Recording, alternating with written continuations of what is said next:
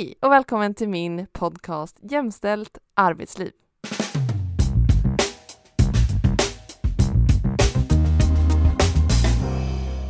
Jag heter Anna Blixt och jag är jämställdhetsexpert. Jag driver en konsultbyrå med fokus på arbetsmiljöfrågor. I det här avsnittet kommer jag prata om sjukskrivningar bland kvinnor och framförallt i relation till psykisk ohälsa. Sorgligt nog så blir det dock på sätt och vis ett sammanfattningsavsnitt eftersom mycket av det som diskuterats i tidigare avsnitt samspelar i skapandet av kvinnors höga nivåer av psykisk ohälsa. Förra året rapporterade Arbetsmiljöverket om ökningarna av antalet anmälda arbetssjukdomar som har gått upp med 20 procent under 2019. Och kvinnor står för den största ökningen. Det är nästan dubbelt så vanligt att kvinnor anmäler att de har blivit sjuka av jobbet jämfört med män. 2,8 anmälningar per tusen sysselsatta jämfört med 1,5 per tusen sysselsatta. Och framför allt så är det kvinnor inom vård och omsorg som blir sjuka. Och de här siffrorna som kom förra året handlar ju då som sagt om 2019.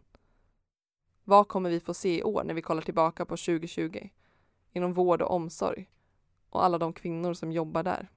Läskig tanke. De största förlorarna, och det här är, det är supersorgligt, är lågutbildade kvinnor. För deras medelålder ökar inte i samma takt som övriga. Den har istället minskat sedan 2009. Samtidigt som alla andra grupper har ökat stadigt under mätperioden 92 till 2018. Det här är också för att kvinnor lider av mer arbetsrelaterade sjukdomar och psykisk ohälsa tillsammans med att personer med lägre utbildning behandlas sämre i kontakt med myndigheter och sjukvård. Och lågutbildade kvinnor jobbar också i högre grad än övriga grupper med tunga och repetitiva uppgifter samt då som ni tidigare nämnt med hög stress och låg kontroll. Och att kvinnor på det här har det här tunga hemarbetet också.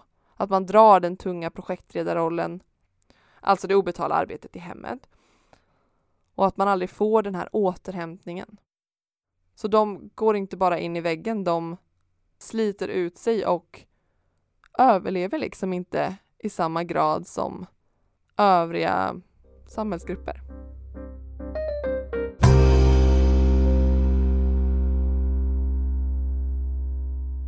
Män som är mer föräldralediga jämfört med andra män, de blir också mer sjukskrivna.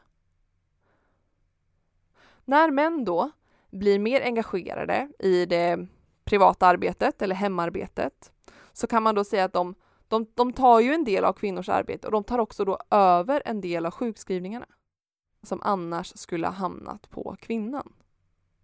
Ojämn fördelning av föräldraledighet hamnar ju i den extrema majoriteten av fallen på kvinnan.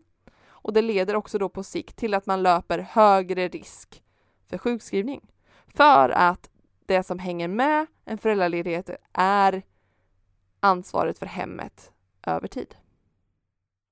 Det finns också forskning som visar att kvinnors stressnivå mätt i kortisol i kroppen fortsätter att vara hög även när kvinnan kommer hem från arbetet. Medan männens nivåer tenderar att gå ner när man går hem från jobbet. Så kvinnor får då inte det här naturliga vilan eller återhämtningen som jag också pratade om då i förra avsnittet. Och som jag också nämnde då så får inte kvinnor heller återhämtningen i form av sömn, egentid, sociala aktiviteter med vänner som män har.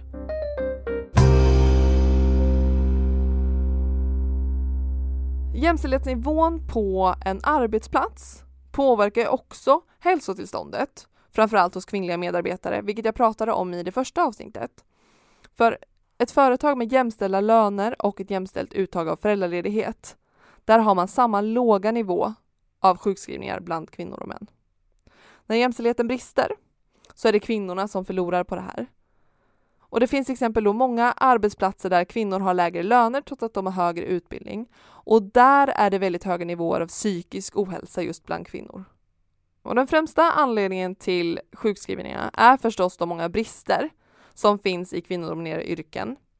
Som jag diskuterat då i avsnittet om mansdominerade och kvinnodominerade yrken. Och det är höga krav, låg kontroll, emotionell stress, det här med att det är kontaktyrken och att det är mycket ofrivillig deltid och visstid som också skapar en stor stress. Det är stora arbetsgrupper som skapar distans till chefen och leder till missnöje, både med ledningen och med arbetsmiljön. Och så vidare och så vidare. Och i de branscherna så drabbas ju kvinnor och män i samma utsträckning. Så det handlar inte om att kvinnor drabbas i högre utsträckning väl där, men det finns ju betydligt fler kvinnor i dessa branscher. Så därför är det kvinnor som drabbas i allra högst grad. Och Arbetsmiljöverket har undersökt arbetsrelaterad ohälsa och sjukdom. Och deras viktigaste insikter det är att det krävs ett genusperspektiv för att synliggöra strukturerna som driver hälsa och ohälsa. Att man inte kan bara kolla på en arbetsplats utan det behövs ett genusperspektiv. Och de trycker också på det faktum att även där kvinnor och män arbetar inom samma organisation eller yrke så gör de ofta olika saker, vilket jag också har pratat om tidigare då att kvinnor gör till exempel mycket repetitiva arbetsuppgifter och det skapar då olika både fysiska och mentala belastningar på kvinnor och män. Och de högsta sjuktalen är relaterade till organisatoriska och sociala faktorer i arbetsmiljön. Och det här behöver då hanteras på en organisatorisk nivå och inte på individnivå. Och hela organisationen på alla nivåer måste se till att kraven i arbetet balanseras med rätt resurser. För resursbrist är också någonting som är ett stort problem just inom kvinnodominerade yrken. Och det behövs också ett större engagemang och större samverkan mellan olika aktörer som ansvarar för arbetsmiljöarbete. Alltså arbetstagaren och arbetsgivaren, företagshälsovård och myndigheter. Så att man samarbetar och liksom jobbar tillsammans med de här frågorna. Du lyssnar på podcasten Jämställt arbetsliv med mig, Anna Blixt. När kvinnor och män sjukskrivs så finns det också en skillnad i hur vården hanterar det här. För att kvinnor sjukskrivs längre än män, trots att de bedöms ha samma arbetsförmåga, samma funktion. Så sjukskrivs enligt en granskning från Riksrevisionen kvinnor 30 procent längre, vilket gör att kvinnor då är borta från arbetsmarknaden längre. Och ju längre man är borta från arbetsmarknaden, desto större blir ju också steget att ta sig tillbaka igen. Och om man då konstant har 30 det är 30 det är så himla mycket. 30 procent längre sjukskrivning. Så har man också 30 procent längre tid från arbetsmarknaden och psykologiskt blir det ju en självbild av att man är mer sjuk än vad en person som har 30% kortare har. Och det finns så mycket man kan säga om kvinnor och psykisk ohälsa och arbetsrelaterade sjukdomar att man skulle kunna göra en hel poddserie bara om det. Och det är otroligt sorgligt att det finns så mycket att prata om. Men jag försöker liksom sammanfatta kort i det här avsnittet bara delar av problemen. Om man kollar på orsaker till att jobba trots att man är sjuk till exempel så är kvinnors vanligaste orsak att de inte vill belasta sina kollegor. Det är hälften av de tillfrågade som svarar att jag jobbar för att jag är sjuk för att jag inte vill belasta mina kollegor. Varvid män istället, deras största orsak är att de inte anser att någon annan kan göra deras jobb. Så jag måste gå dit och jobba för ingen annan kan göra det här åt mig. Men någonstans så är det lättare att tänka, men då får arbetet helt enkelt inte bli gjort. Alltså arbetet är ju, vad ska man säga, det är någonting praktiskt. Än att tänka, men då får mina kollegor helt enkelt slita extra. För då är det helt plötsligt människor vi pratar om och människor som måste slita extra mycket. Så dels jobbar kvinnor alltså när de är sjuka för sina kollegors skull. Men när de är hemma så har de också då dåligt samvete för sina kollegors skull. Jag har själv en nära vän som enligt psykolog är nära väggen. Som nu har släppt just den här, jag måste jobba för mina kollegors skull, för det är det hon gör. Det är det hon har gjort, att hon måste gå dit för hon vet hur mycket de får slita om hon inte finns på kontoret. för de har för mycket att göra. Om en är sjuk, då är det jobbigt för alla de andra. Men har man istället då jobbet blir inte gjort om jag inte är där, så det är liksom lite lättare. Ja, man kan ha dåligt samvete gentemot företaget, men inte gentemot en annan person.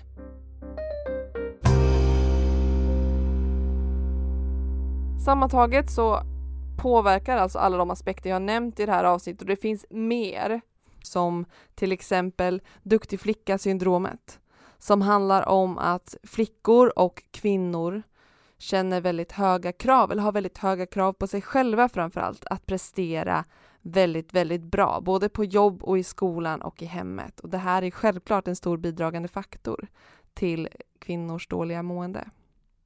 Men kvinnors höga sjukskrivningstal är i allra högsta grad en fråga om jämställdhet. En fråga om arbetsmiljö och hur ansvaret ligger på arbetsgivarna att ta hand om sin personal. Och just det här att det är på organisatorisk nivå. Det ligger inte på en avdelning på ett äldreboende. Det kanske ligger på hela kommunen. Samtidigt så måste vi också sprida medvetenhet och ingen tackar dig för att du går in i väggen. Om du jobbar i en organisation som inte är hållbar så måste ni göra någonting aktivt. Antingen gör du något aktivt, säg upp dig. Eller så gör ni som en organisation någonting aktivt. Till exempel, ta in mig. Så kan vi hitta lösningar för just er arbetsplats och er organisation. För det är det jag jobbar med och jag kan hjälpa er.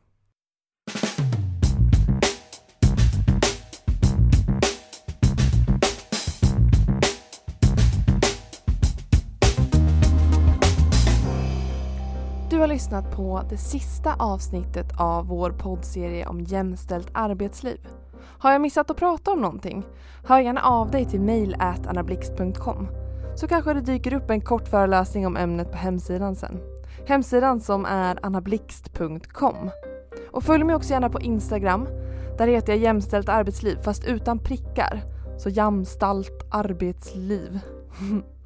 och stort, stort tack för att ni har lyssnat. Jag är så tacksam över all positiv respons och era kloka tankar och ord. Ta hand om er och varandra. Och till alla lyssnare i chefs och ledningspositioner. Agera, ta hand om er personal. Det är aldrig för sent att börja med ett mer aktivt jämställdhetsarbete. Tillsammans gör vi arbetslivet lite mera jämställt. Puss och kram!